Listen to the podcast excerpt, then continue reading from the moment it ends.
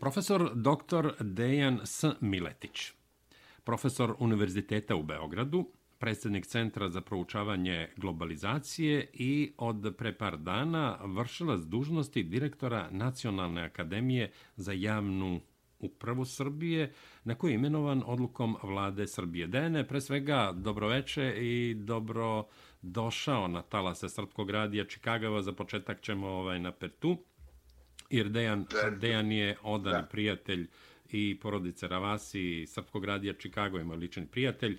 Dakle, pre svega čestitke i dobrodošlica na talase Srpkog radija Čikago. Hvala Milorade na predstavljanju i po prvi put na neki način i u ovom svojstvu uživo u nekom programu. Pozdrav za vas, za vašu porodicu, ali i za naše slušalce. Ehm, uvek mi je zadovoljstvo da podelim sa vama svoje razmišljenja i nadam se da postičemo uzajamno jedni druge na dalje, dalje dublje razumevanje ove naše situacije u Srbiji, ali i na širem planu, na globalnom nivou. Tako da radujem se evo i ovom našem razgovoru. Da, profesore Miletiću, uz čestitke, evo ja hoću da kažem da kao i prijatelj neko ko vas izuzetno ceni i poštuje, hoću da kažem da je, evo, izgleda došlo vreme u Srbiji da se angažuju talentovani, obrazovani, kultivisani i gospodstveni ljudi, odnosno pre svega patriote, kao što je poštovani slušalci profesor Dejan S. Miletić. I s tim u vezi, nadam se da, da dolazi do nekih kvalitativnih promena u izborima kadrova, jer ponekad se prosto čovek zabezekne ko je gde i ko je šta u Srbiji.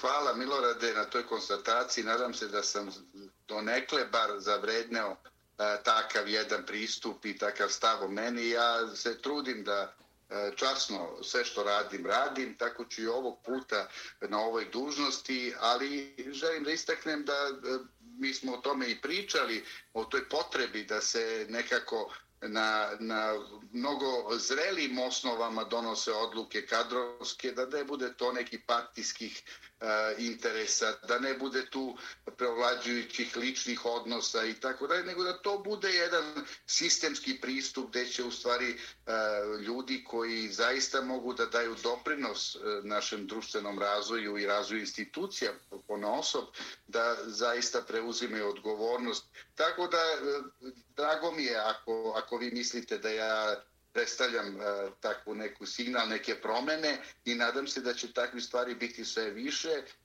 ja koristim priliku eto i da vladi Srbije zahvalim na poverenju koje mi je ukazala s jedne strane, a s druge strane to je jedno breme. Tu treba naravno sada unaprediti rad Nacionalne akademije koja nosi taj teret edukacije na nivou državne uprave svih službenika E, treba pojačati efikasnost rada, kvalitet rada, uputiti na celo, celoživotno učenje sve te ljude, e, usmeriti na neki način i društvo, kako se razvijamo kao država, kako ekonomija raste, tako isto je važno da i naše institucije, odnosno i ljudi koji predstavljaju te institucije, e, napreduju i u tom kontekstu i odgovornost moga rada na akademiji, ali ja želim da isteknem, pošto ja nisam član partije ni jedne. Da, upravo to sam hteo da kažem, da vi ste imenovani na ovu funkciju kao nestranačka ličnost.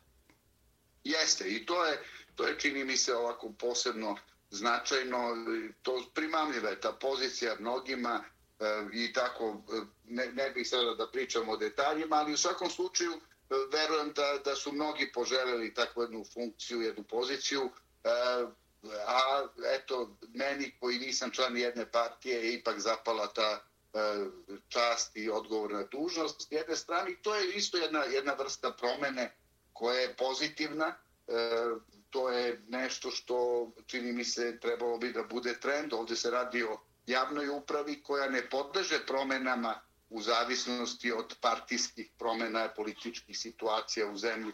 Tako da, eto, to su, e, to su vesnici Nove Srbije koji, čini mi se, e, mogu da postanu pravilo u neko dogledno vreme, jer nemamo mi ni ljudi, ni vremena za bacanje. Tako da, eto, nadam se da, da će sve to biti kako trebaju na I ja sam siguran u to i evo, profesore Miletiću, da krenemo pod navodnicima na posao. Nova vlada Crne Gore sa premijerom Zdravkom Krivokapićem i podpredsjednikom Dritanom Abazovićem počela je sa radom. U vladi Crne Gore nema oni koje je izabrao narod Crne Gore. Pre svega lidera Demokratskog fronta Andrije Mandića, Milana Kneževića, Nebojše Medojevića i Predraga Bulatovića. Evo, ovde smo sad imali mali prekid. Dakle, evo, ja ću nastaviti sa pitanjem i naravno ponoviti pitanje. Imali smo mali prekid na, na vezama. Da, Dejan, imali e, smo... Evo, vezace prekinu za trenutak. Dobro, evo, valjda će biti I, sada dobro. Da, imali smo mali prekid. Evo, ja ću ponoviti pitanje. Nova vlada Crne Gore sa premijerom Zdravkom Krivokapićem i podpredsjednikom Dritanom Abazovićem počela je sa radom. U vladi nema oni koji je izabrao narod Crne Gore na proteklim izborima, pre svega lidera Demokratskog fronta, Andrije Mandića, Milana Kneževića, Nebojša Medojevića, Predraga Bulatovića, a u vladi Crne Gore su eksperti pod navodnicima za koje niko nije glasao. Mnogi optužuju Zdravka Krivokapića da je nova vlada Crne Gore vlada kontinuiteta sa režimom Mila Đukanovića, a ne vlada diskontinuiteta sa Đukanovićevim režimom. Jer u nju ulaze i kadrovi Demokratske partije socijalista Mila Đukanovića. Šta vi mislite o tome? Pa, zaista teško je ne, ne izraziti određene sumnje i zabrinutost kako stvari e, izgledaju u ovom trenutku. Međutim, ja ipak sam za to da damo šansu i da sagledamo kakve će poteze vući ova vlada. Krivokapić je prestupanja na dužnost, odnosno tokom izborne kampanje, obećao da će se razračunavati sa zloupotrebama unutar prethodnog režima, režima Mila Đukanovića i svim e, kriminalnim radnjama, ne znam, zloupotrebama vlasti, E, proganjanjem političkih neistomišljenika i tako dalje. E, I e, to je, čini mi se, tu nema veze ko je u vladi. To je programska osnova s kojom je ta koalicija dobila izbore i mi naravno dela će suditi tu, sudit ćemo delima, a ne previše ljudima. Ja zaista nisam preveliki optimista, ali s druge strane E, nisam ni pesimista kakav bi možda neko mogao da očekuje, budući e, da nije došlo do totalnog razdora unutar te koalicije. Nije uspio Milo Đukanović svojim policijskim i medijskim marifetlucima da zavadi u toj meri sve te ljude da prosto ne ostane kamen na kamenu i da vlada ne bude izglasana, da ne dobije se šansa da se e, situaciju u Crnoj Gori E, u nekom segmentu promeni i da se stvore uslovi za sljedeće izbore koji bi zaista trebali da budu znatno slobodni i da srpski narod e, može da odlučuje o svojoj budućnosti na pravi način bez zloupotreba prethodnog režima Mila Đukanovića koji je bio ne, koje su bili dramatični i te mani, taj nivo manipulacije i zloupotreba e, biračkih prava građana Crne Gore, to je bilo nešto što čini mi se Evropa u modernoj istoriji nije zapamtila. Kad pominjemo Mila Đukanovića, više decenijskog lidera Crne Gore, aktuelnog predsjednika. On je optužio Srpsku pravoslavnu crkvu, predsjednika Srbije Aleksandra Vučića i Srbiju da su krivi za njegov poraz, a njegovi saradnici iz socijaldemokratske partije, liberalne partije i bošnjačke stranke i neki njemu lojalni novinari sa radio televizije Crne Gore napadaju Evropsku uniju, pre svega komesara za proširenje Olivera Varhelija, Sjedinjene američke države, odnosno ambasadorku Sjedinjenih američkih država u Podgorici Judy Rising Ranke. Šta velite na to? Pa šta reći o Milu Đukanoviću koji je u stanju e, i kamenje na sve one koji ne podržavaju njegovu e, njegovu uzurpatorsko delovanje. Pa znate, to je stara praksa. Znači, on je od hvalospeva do, do ponora on je gledao da zavadi unutar Crne Gore oko u glavi, dva oka u glavi. On je sve što je radio, manipulacije surove sprovodio. Pa evo dolaskom Bajdena, odnosno najavom dolaska Bajdena, on je odmah požurio prvi je bio, čini mi se, među evropskim liderima u tom trenutku koji je odmah čestitao Eh, što kaže, eh, ne, sas, ne slušajući bilo kakve ozbilje signale. O, zašto to sve govori? Govorim da je to čovjek sklon eh, strašnim manipulacijama i kome ništa nije sveto, on se odrekao svojih korena, on se odrekao svega svetog što u srpskom narodu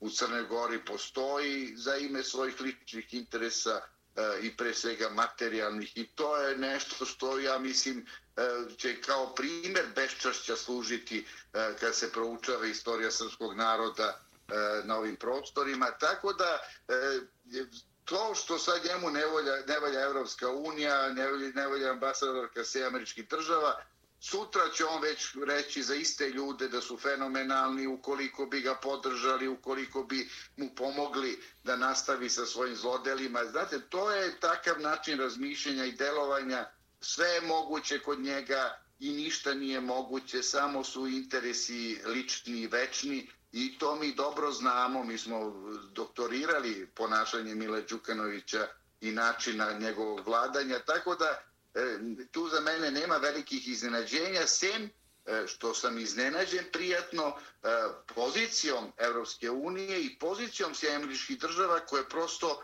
nisu više spremne, bar koliko sada vidimo, nisu više spremne da tolerišu uzurpaciju vlasti na, na leđima jednog, što kaže, bogobojažljivog naroda, naroda koji je propatio se dugi niz godina Eh, i pored svih prirodnih bogatstava, pored lepote Crne Gore, eh, živi na marginama eh, opstanka, što kaže, na, na minimalnim životnim uslovima, bez ozbiljnijeg razvoja koji niti je bio, niti se vidi i niti će biti lako izaći iz tog vrtloga koji je ostao iza Mila Đukanovića koji vuče u ponor E, celu Crnu Goru. Tako da e, Milo Đukanović je najbolji e, džak komunistički onog režima i titoista izraženi i to je bio poznat da posle njega potop. Znači, dok je on bio na vlasti, bilo je dobro. Kad on odlazi, on gleda da povuče sve. Tako će slično biti verovatno i u Crnoj Gori i nadam se samo da će sada Krivokapić na čelu vlade Crne Gore, E, srpski, srpske partije, srpski predstavnici, svi naći način da ne dozvole da ih e, dodatno zavade, da ne dozvole da ih neko skrene s puta e, pročišćenja Crne Gore i to je ono što je ključno po meni kako se razračunati sa svim tim kriminalcima sa svim tim vlastodržcima koji su činili razna, razna nedela, ajde tako da kažem. Tako da e, za mene je to prioritet i ove vlade, e, a nadam se i svake druge buduće, da se ne ponovi Milo Đukanović i taj režim, odnosno da se raščisti sve što je moguće, e, a što je bilo zaista štetno po Crnogoru i po srpski narod uopšte.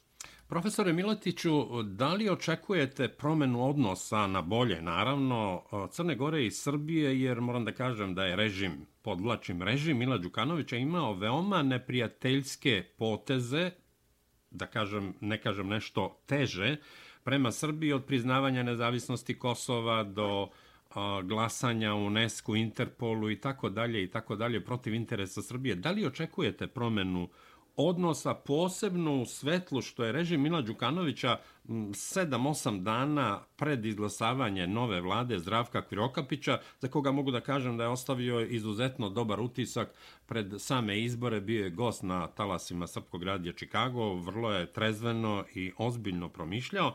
Dakle, u svetlu proterivanja ambasadora Srbije u Crnoj Gori Vladimira Božovića.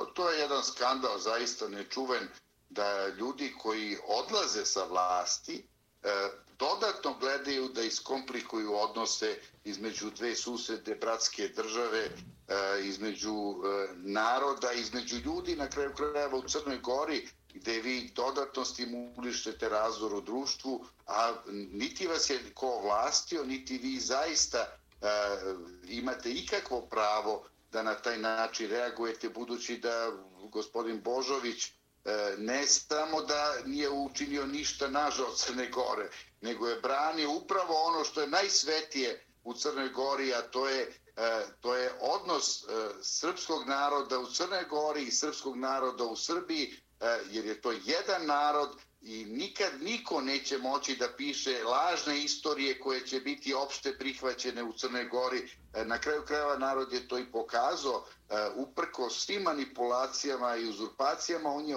uspeo da se otrgne iz kanđi Mila Đukanovića i njegovog režima. Zašto to naglašavam? Jer, ni, znate, to su e, tako surovi policijski uslovi bili, taj strah, ja sam više puta ne išao turistički samo, nego i išao na određe držao predavanje, i išao na medije e, u Crne Gori, na televiziju i tako dalje u, u zadnjih nekoliko godina. I uvek sam primećivao taj strah da se bude ono što jesi, da, strah da se kaže nešto protiv režima, strah da e, ta policijski mentalitet koji je vladao u društvu, i to je prosto nešto što čini mi se su posljednji ostaci onog komunističkog režima koji je vladao Eh, s kraja 20. veka. Ili, tako da eh, ja mislim da, eh, da ovi naši, ovi, ovi novi ljudi, novi ljudi koji dobijaju šansu da utiču na budućnost Crne Gore će ispraviti greške Mila Đukanovića postepeno, neće to ići ništa naglo, niti treba da bude naglo, niti treba da bude dramatično u smislu da sada rezove pravimo i konfuziju neku, ali e, korak po korak vratiti na kolosek prvo naše odnose, a posle se e, što kaže, usmeriti u pravcu e, s moje tačke gledišta, to je ono što bi ja priželjkivo, ne iz nikakvih ličnih interesa ili, ne znam, prosrpskih, nego prosto želo bi da, da se srpski narod ujedini e, u jednu snažnu osovinu koja prosto, da će to biti formalno, neformalno, ali prosto oni, mi smo najodgovorniji za bezbednost i budućnost regiona i tako treba i da se ponašamo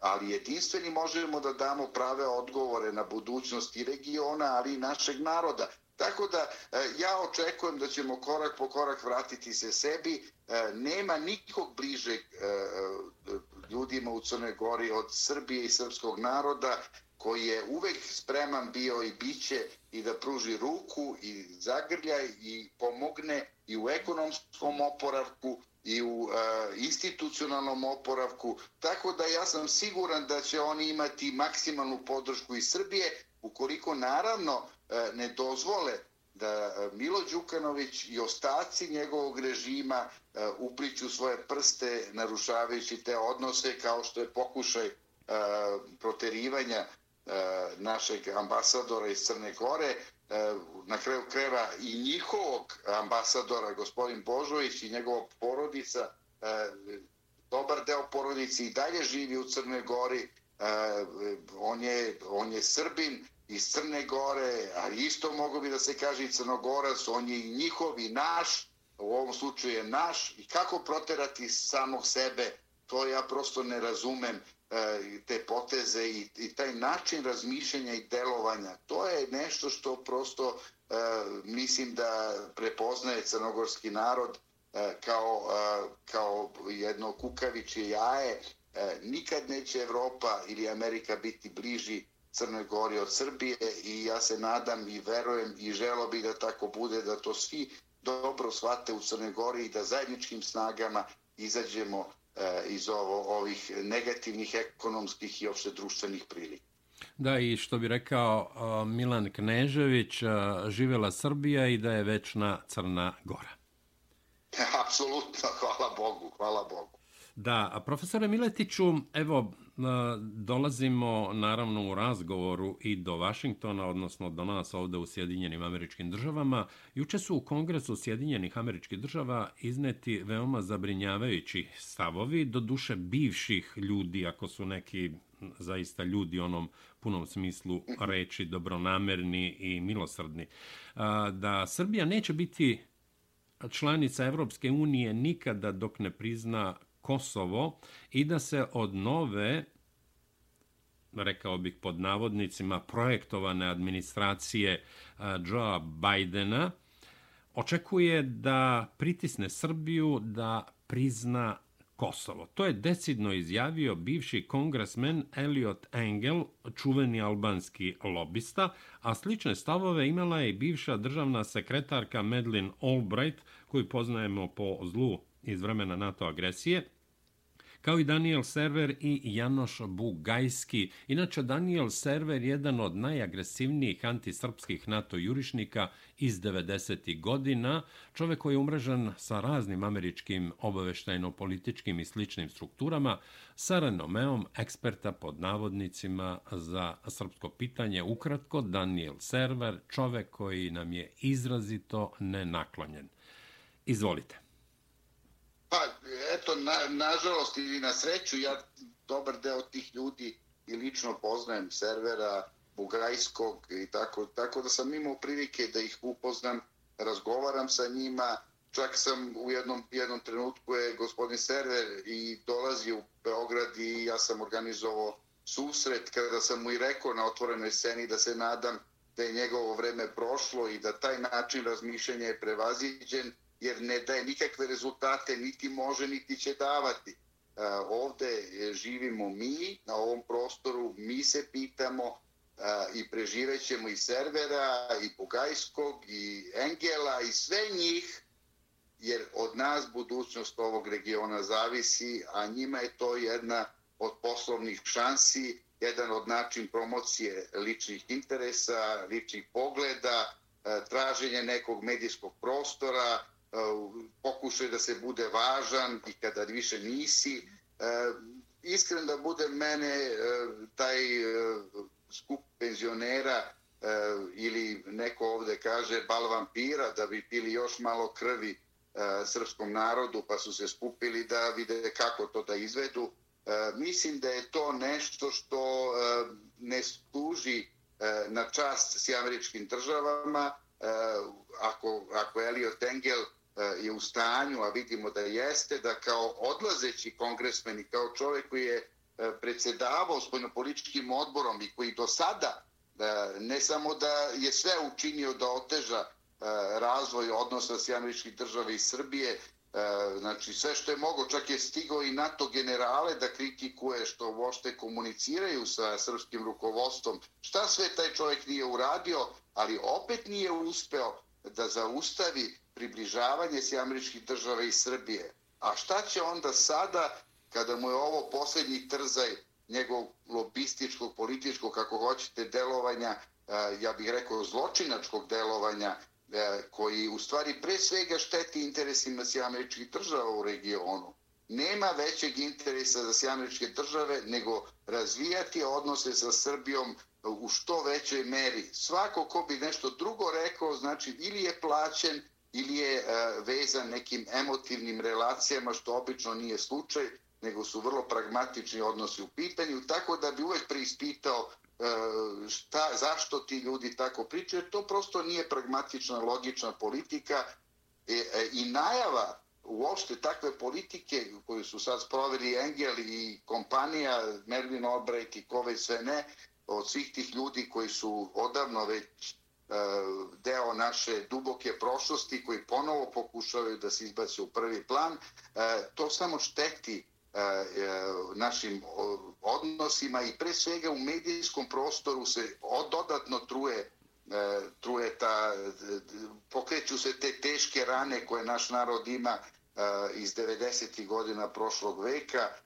i nimalo ne doprinosi ničemu dobrom. S druge strane, povampiruju se E, i u Evropskoj uniji i u regionu e, on, i, kako da kažem e, srbomrsi po službenoj dužnosti koji prosto opet dižu neke neke hajke traže traže traže neprijatelje da ih nema. Srbija je faktor stabilnosti u regionu ona želi razvoj i svoj ali i svih drugih u regionu ne ide na sukobe ne, ne traži E, neprijatelje, ali ako drugi traže neprijatelje, oni uvek će naći e, u Srbiji koja ne može svoj prostora, da ne može svoje kože da izađe.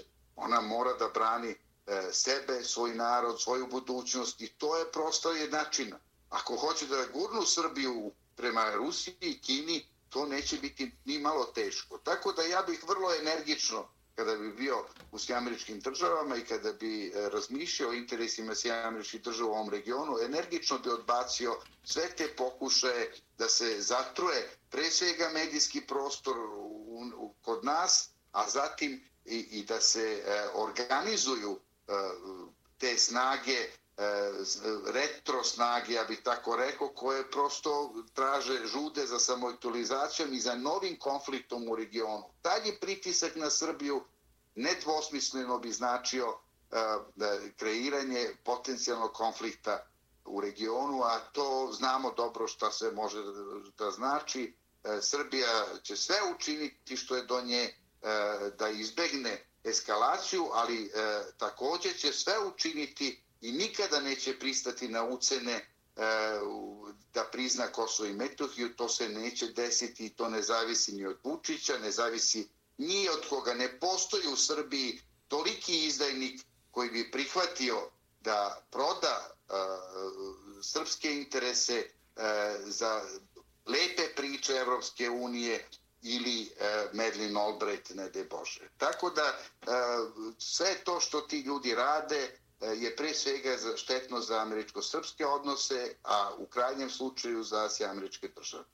Da s tim u vezi, predsjednik Srbije Aleksandar Vučić je komentarišući ono što se juče čulo u kongresu, rekao kada bih se odrekao Kosova i Republike Srpske, bio bih najveći demokrata, dali bi mi i Nobelovu nagradu za mir. S tim u vezi dodao je da se očekuju veliki pritisci na Srbiju kada je u pitanju Kosovo i Metohija.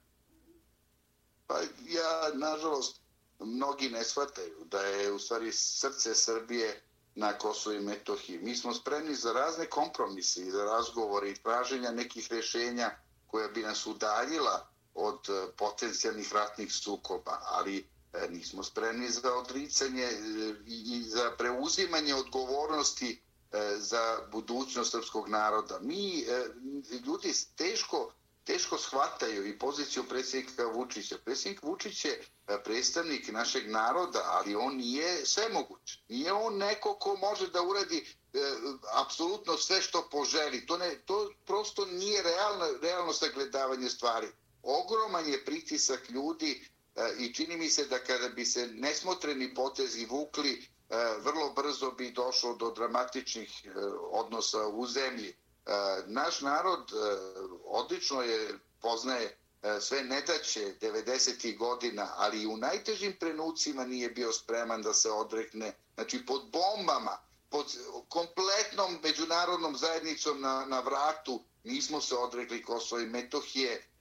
Tražili smo način da i dalje se zna da je to naša teritorija, na kraju krajeva i rezolucija 1244 i sve što je rađeno po, po tom legalnim osnovama garantuje Srbiji da je to njen deo teritorija, a očekivati od nas da se odreknemo ili bilo koje vlasti, to prosto ne, neće se desiti, jer to ne sme niko da uradi e, ne samo zbog sebe, nego zbog budućnosti i svoje porodice i svoga naroda. To, to prosto e, nije, nije način e, za, za razmišljanje o kompromisima. Kompromis je E, da Srbija e, prihvati određene e, moguće norme nove vezano za Kosovo i Metohiju, ali ne da ga se odrekne.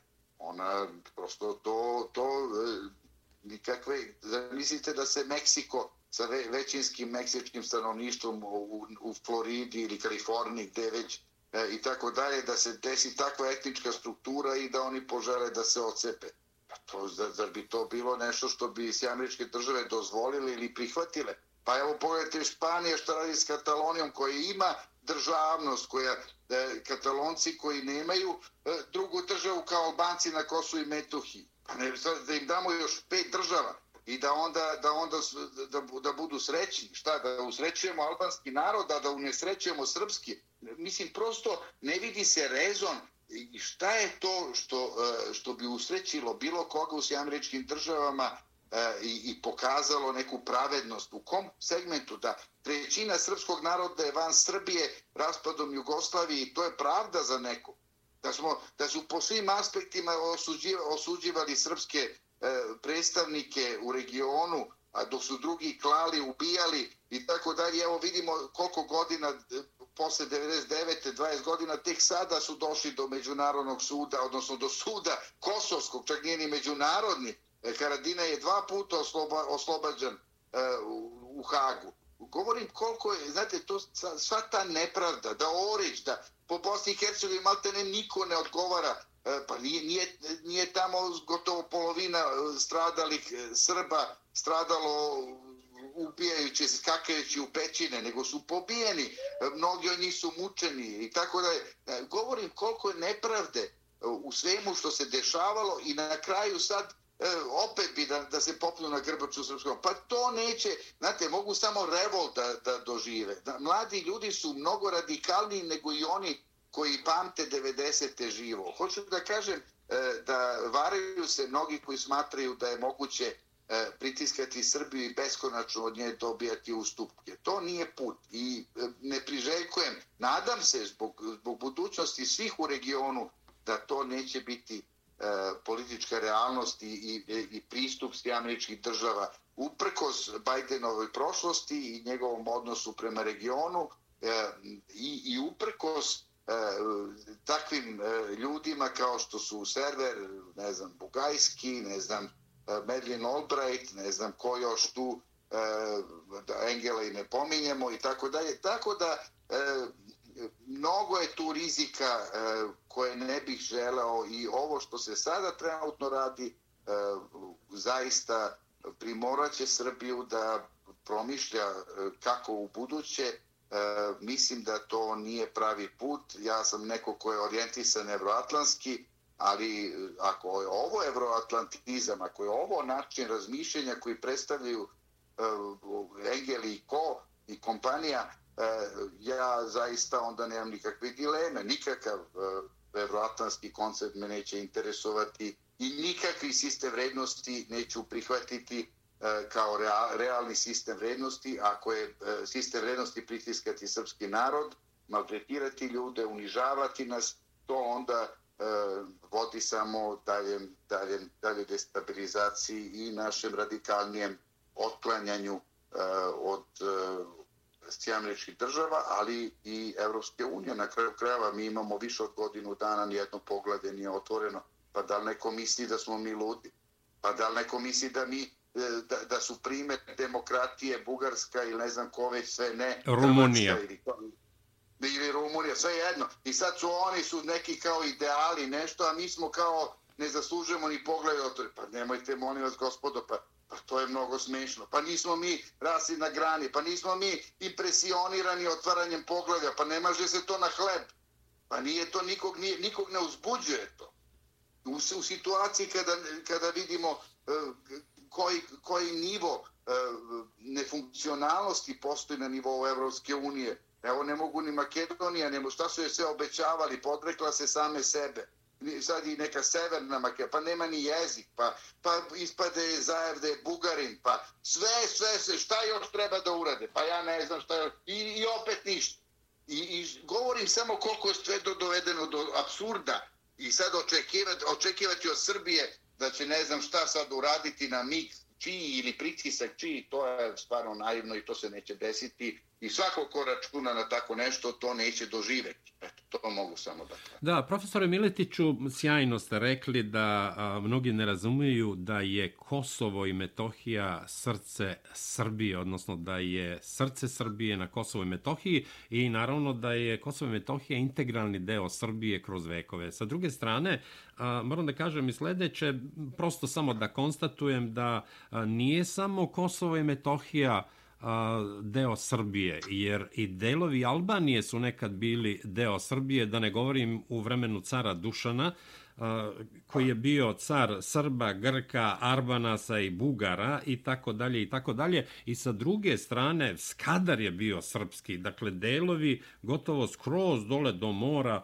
Albanije su bili srpski. Sa druge strane, čudi me da se ponekad ne napomene to, da se ne pomene u javnim istupima zvaničnika Srbije skadari ti delovi Albanije koji su nekad bili srpski, a sa druge strane svedoci smo nezajažljivih e, nerealnih apetita Albanaca koji govore o tome da treba i jug Srbije da se priključi Kosovo, odnosno Albaniji, a onda zaboravljamo na profesorku, doktorku Teodoru Tolevu, Bugarku, koja je napisala fenomenalnu knjigu Uticaj Austro-Ugarske imperije na stvaranje albanske nacije, veštačke nacije, stvaranje Albanije 1912. kao države od strane Austro-Ugarske i tako dalje i tako dalje. Naravno, pa to je uvek gde vide Dimpera, zavadi pa vlade, tražiti slabe tačke e, u nekom, nekoj državi ili nekom narodu, suprostavljati njegove ljude, e, pa mi to proživljavamo, pa znate, i Bosna, Hercegovina, evo u Crne Gori šta se sve dešavalo, pa znate, pričati o ne znam kakvim narodima, pa niko nije došao sa Saturna ili Venere ili Marsa, pa tu se naselio, pa to je isti narod. Ali našli su način preko religije, preko e, različitih etničkih sukoba, preko su, traženja razlika i stimulisanje tih razlika, po, potenciranje ličnih interesa da naprave praktično jednog naroda, više naroda, e, od jednog hrišćanskog orijentisanog naroda, da, da ga podele na više hrišćanskih, odnosno katolički, pravoslavni i tako dalje i tako bliže. Tako isto i, i a, Albanci su jedno e, zanimljivo sredstvo bilo, bili austrougarske i kreirana je čitava jedna nova istorija i to se kroz knjige, kroz promociju tih ideja u stvari potenciralo i prerasta u jednu novu istinu. To je ono što i Milo Đukanović pokušava.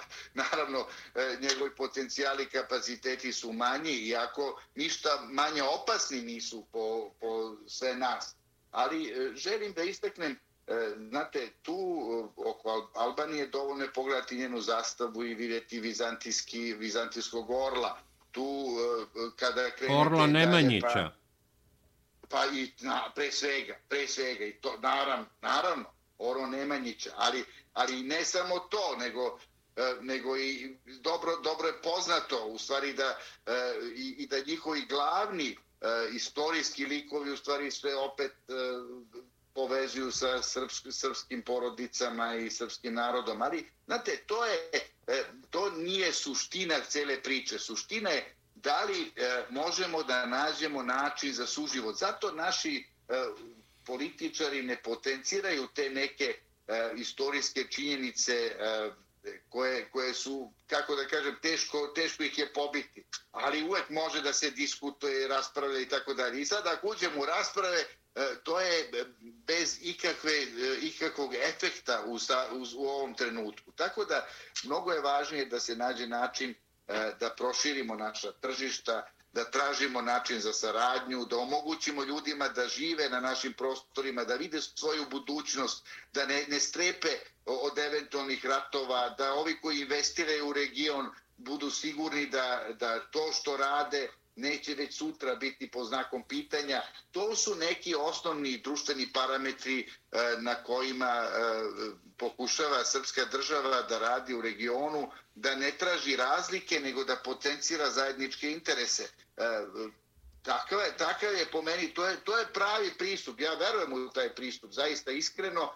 Mi jesmo i najveća zemlja regiona, a i narod najveći, E, i mi kao taka, takav narod imamo i najveću odgovornost. Ako bi mi drugačije počeli da razmišljamo, ako se desi da počnu da nas guraju, da razmišljamo u suprotnom pravcu, u destruktivnom pravcu, mi smo poznati kao i i kao, kao vrlo nezgodan narod, e, ne damo se modelovati tako lako ili ako već to rade, onda moraju mnogo resursa da utroše da bi postigli određene efekte. Ja ne vidim šta će oni dobiti E, komplikovanjem ovog životnog prostora u regionu e, i u tom smislu čini mi se da je jedini pravi partner u stvari Srbije i srpski narod i sve drugo je e, izuzetno rizično i samo služi za kreiranje novih konflikta. Albanci su do sada korišćeni vrlo uspešno za raspad Jugoslavije, a posle i za pritisak na Srbiju. Ja ne zaista ne vidim E, kakav interes e, bi iko dalje mogao e, da promoviše albanske interese kao svoje i da unižavanjem Srbije smatra da će dobiti neke pozitivne efekte. To ne, logika zdrava ne, ne može da dokaže, pokaže.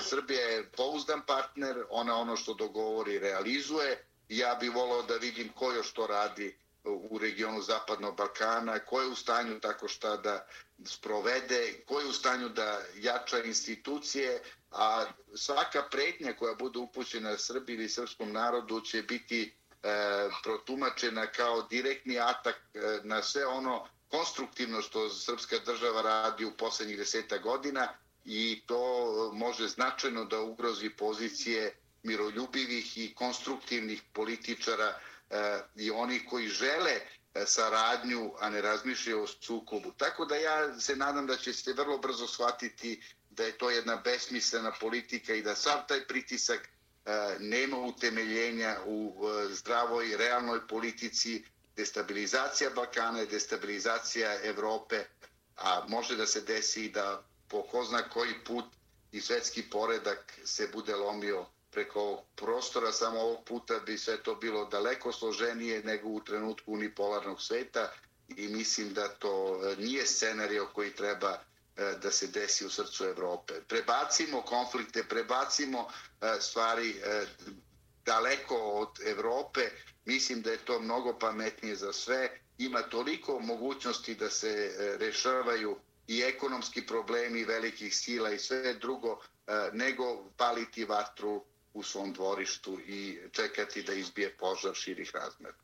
Profesore Miletiću, evo i za kraj našeg današnjeg razgovora, specijalni sud za ratne zločine, takozvane oslobodilačke vojske Kosova, bivše terorističke oslobodilačke vojske Kosova, kako su je nazivali iz administracije Bila Clintona svoje dobno, počeo je sa radom a pred sudijama su se pojavili bivši predsjednik takozvanog Kosova Hašim Tači, predsjednik takozvane Skupštine Kadri Veselji, Jakub Krasnići, Ređep Sulejmani, visoki kadrovi, odnosno komandanti terorističke OVK. Šta očekujete od procesa ovim ratnim zločincima? Da li će se ponoviti ono što ste i napomenuli kada je u pitanju ratni zločinac Ramoš Haradinja i njegovo oslobađanje i tako dalje i tako dalje, da ne pominemo neke a, druge ljude iz Bosne i Hercegovine koji su oslobođeni od optužbi za teške ratne zločine koje su počinili.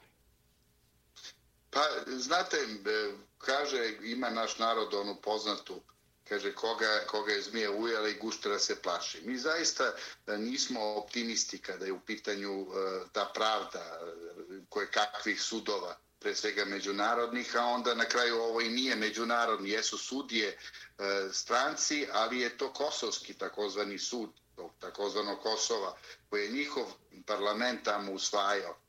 E, ja nisam iskren da budem preveliki pesimista. Mislim da e, do sada ponašanje e, i evropskih predstavnika i sjamričkih država i e, ambasadora na Kosovo i Metohiji, pritisci koji su vršeni da se ne odustane od tog suda, da se procesuiraju uh, ovi zločinci. Znate, uh, to je na neki način uh, osnovna dužnost prema pravdi uh, i tih međunarodnih faktora, jer ovdje se, znate, da su samo Srbi u pitanju, oni bi zažmurili kao i mnogo puta do sada. Jer to prosto e, nekako e, nisu naučili da su Srbi žrtve, to mnogo im je lakše da su svi drugi žrtve, a da smo mi neki hegemoni, jer onda sve to što su nepravedno radili prema nama, oni E, mirnije spavaju i tako čini im se stvaraju iluziju sami sebi. E, Ovde se radi o situaciji da su ovo ubice, koljači, neposredni izvršioci, ne samo komandanti e, i, i, i, i sve to su radili ne samo prema srpskom narodu, nego jednako i prema Albancima, lojalni državi Srbiji ili Albancima koji nisu bili spremni da dozvole da te mafijaške strukture E, terorističke strukture preuzmu vlast nad tim prostorom i prosto zaustavi zaustave bilo kakav mogući razvoj. Tamo e, ne samo da imate strašan odliv stanovništva, ne samo da Kosovo i Metohije koje je bilo u Jugoslaviji primer prirodnog priraštaja, ne samo da više toga nema, nego imate negativni prirodni priraštaj na prostoru Kosova i Metohije kada su Albanci u pitanju, nego, nego imate jedan beznadežni prostor. U njemu niti institucije funkcionišu, niti imate ikakvu perspektivu, niti uh, postoji neka, uh, neka nada da će neko promeniti, uh, promeniti uh, način upravljanja gdje vlada korupcija, kriminal, svi mogući poroci koji, koje pamte države širom sveta kao najnegativnije tendencije.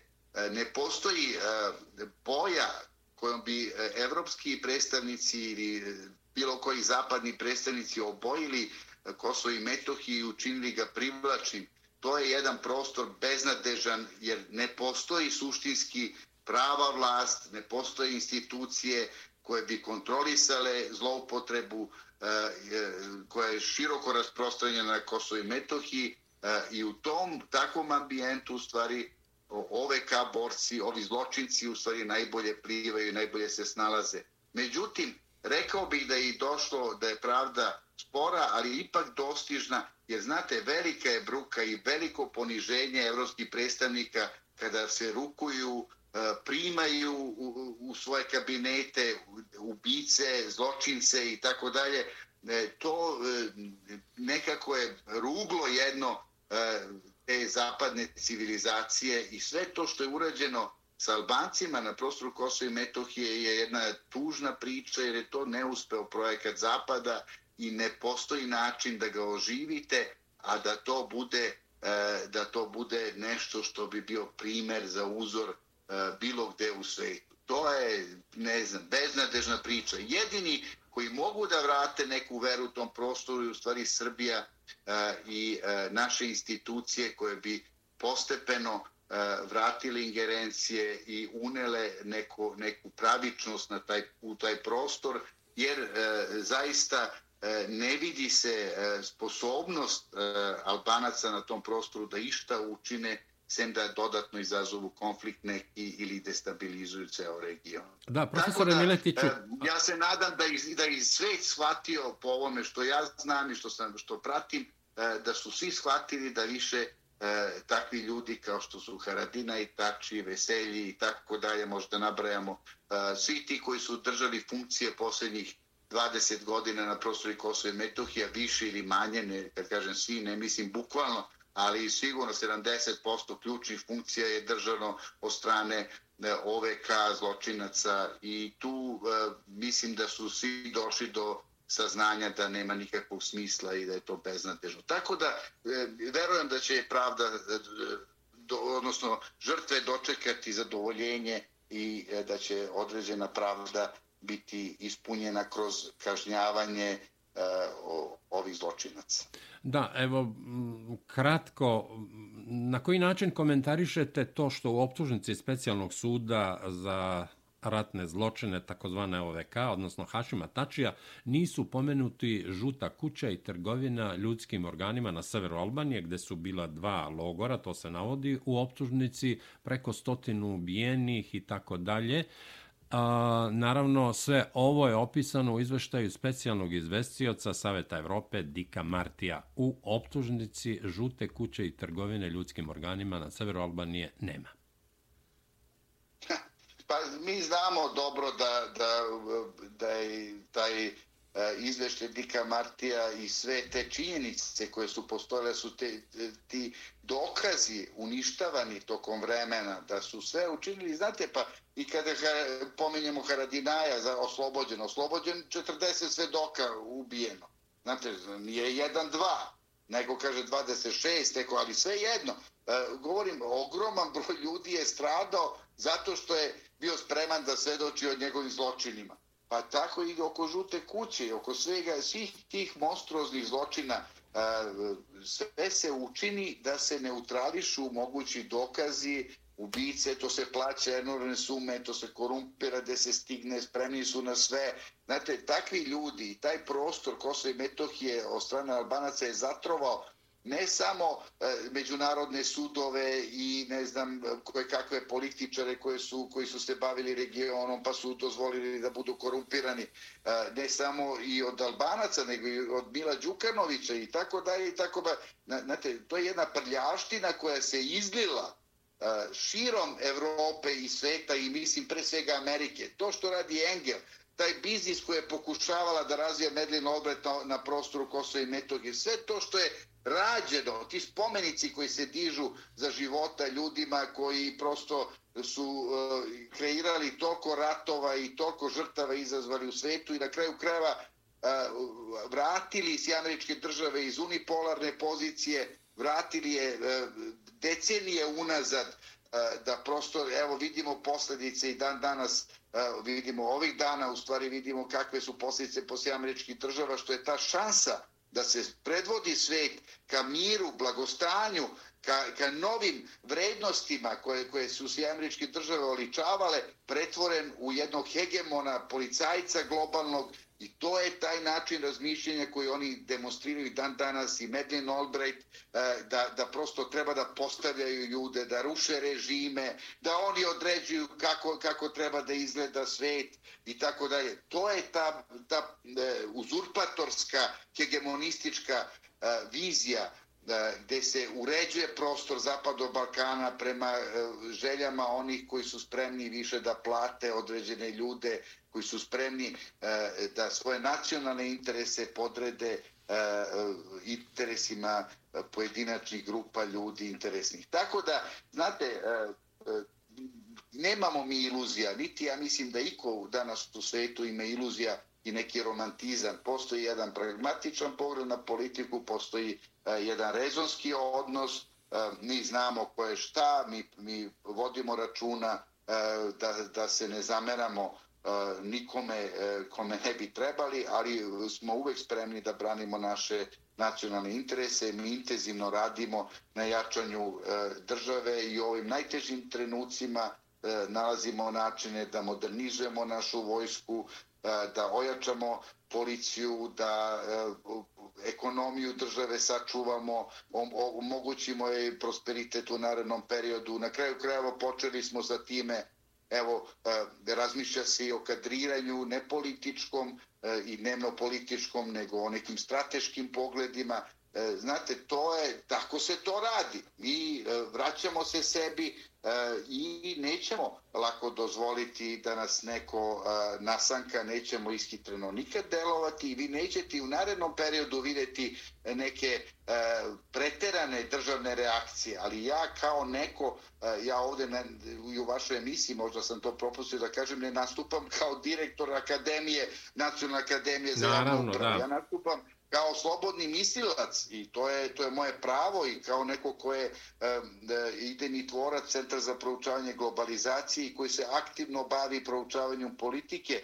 Uh, ja sam nestranačka ličnost, ali vrlo svestan uh, interesa svoje zemlje i svog naroda i u tom kontekstu sam uvijek spreman da ga branim. Uh, naša država nije partijska prćija, ona je e, država koja je vrlo svesna nacionalnih interesa i koja će tražiti načine e, da ih odbrani e, na najbolji mogući način što, što više podrške budemo imali, prećemo do, doći do naših, naših ciljeva, ukoliko su istorijski trenuci nepovoljni, E, uspećemo i da se povučemo, da, da budemo umereni, e, da, da ne žurimo, ne srljamo, ali u svakom slučaju znamo gdje smo krenuli i u svakom slučaju nećemo odustati od tog cilja. Tako da toliko mogu da kažem o tome, a e, pratit ćemo kako se ponašaju sve američke države. U Srbiji će imati velikog prijatelja ukoliko E, pravilno se budu postavili, e, a ukoliko počnu s pritiscima kao prethodni režim pred Trumpa što se dešavalo, e, mislim da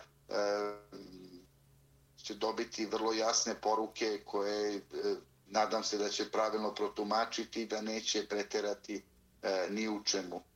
Eto, mislim da, da ne treba se previše brinuti, jesu složene okolnosti, jeste da će pritisaka biti, ali e, zar je manji pritisaka bilo 90-ih, zar smo imali bombardovanja i sankcije, izolacije, Ne može Evropska unija da uvodi sankcije i izoluje Srbiju zato što neće da prizna Kosovo kad pet država Evropske unije nije priznalo Kosovo. I tako dalje i tako bliže. Hoću da kažem, to su osnovne neke stvari, e, e, mnogo elemenata i mnogo karata mi držimo u ruci da bismo se na prvi mig ili na e, neka, neka talasanja koja se dešavaju trenutno previše nasikirali ili uplašili. To se neće desiti i budite uvereni, Srbija je ozbiljna država koja će znati da zaštiti svoj narod.